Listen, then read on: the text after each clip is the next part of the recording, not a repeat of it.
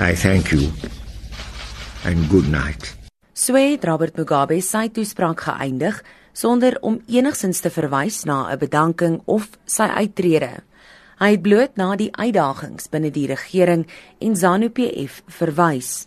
Of greater concern to our commanders are the well-founded fears that the lack of unity and commonness of purpose in both party and government was translating into perceptions of inattentiveness to the economy.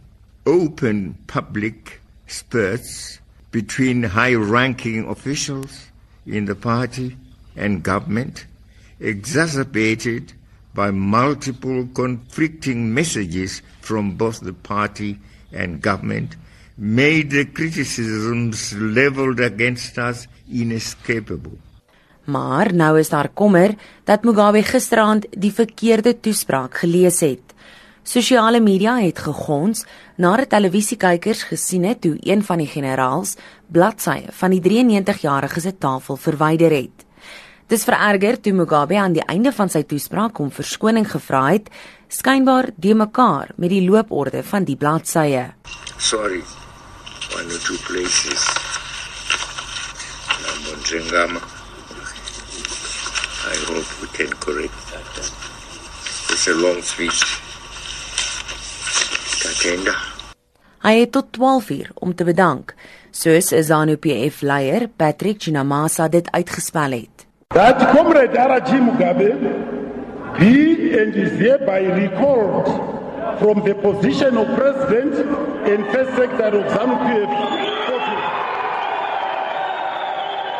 And if a resignation has not been tendered by midday tomorrow, the 20th November 2017, the ZANU-PF chief whip is ordered to institute proceedings for the recall.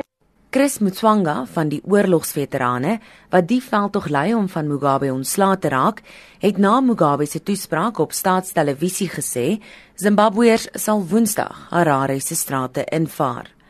ZANU-PF se senior partyleiers het aangedui dat sou Mugabe nie vandag om 12:00 as president van die land bedank nie, hy in 'n staat van beskuldiging geplaas sal word. Die party se hoofsweep, Lovemore Matuke. So on Tuesday somebody is going to move a motion and then the following day we'll be able to debate about his removal. And then followed by some a committee which is going to be put in place to look into the into the misconduct, and then after that, we'll be able to, to bring the report from the committee, and then Parliament can pass a decision. So it may take about three days minimum, but not more than four days. Dit was ZANU-PF se hoofsweep, Lovemore Matuke. Hierdie verslag deur Noma Bulani. Ek is Melissa Tuggie vir SAK nuus.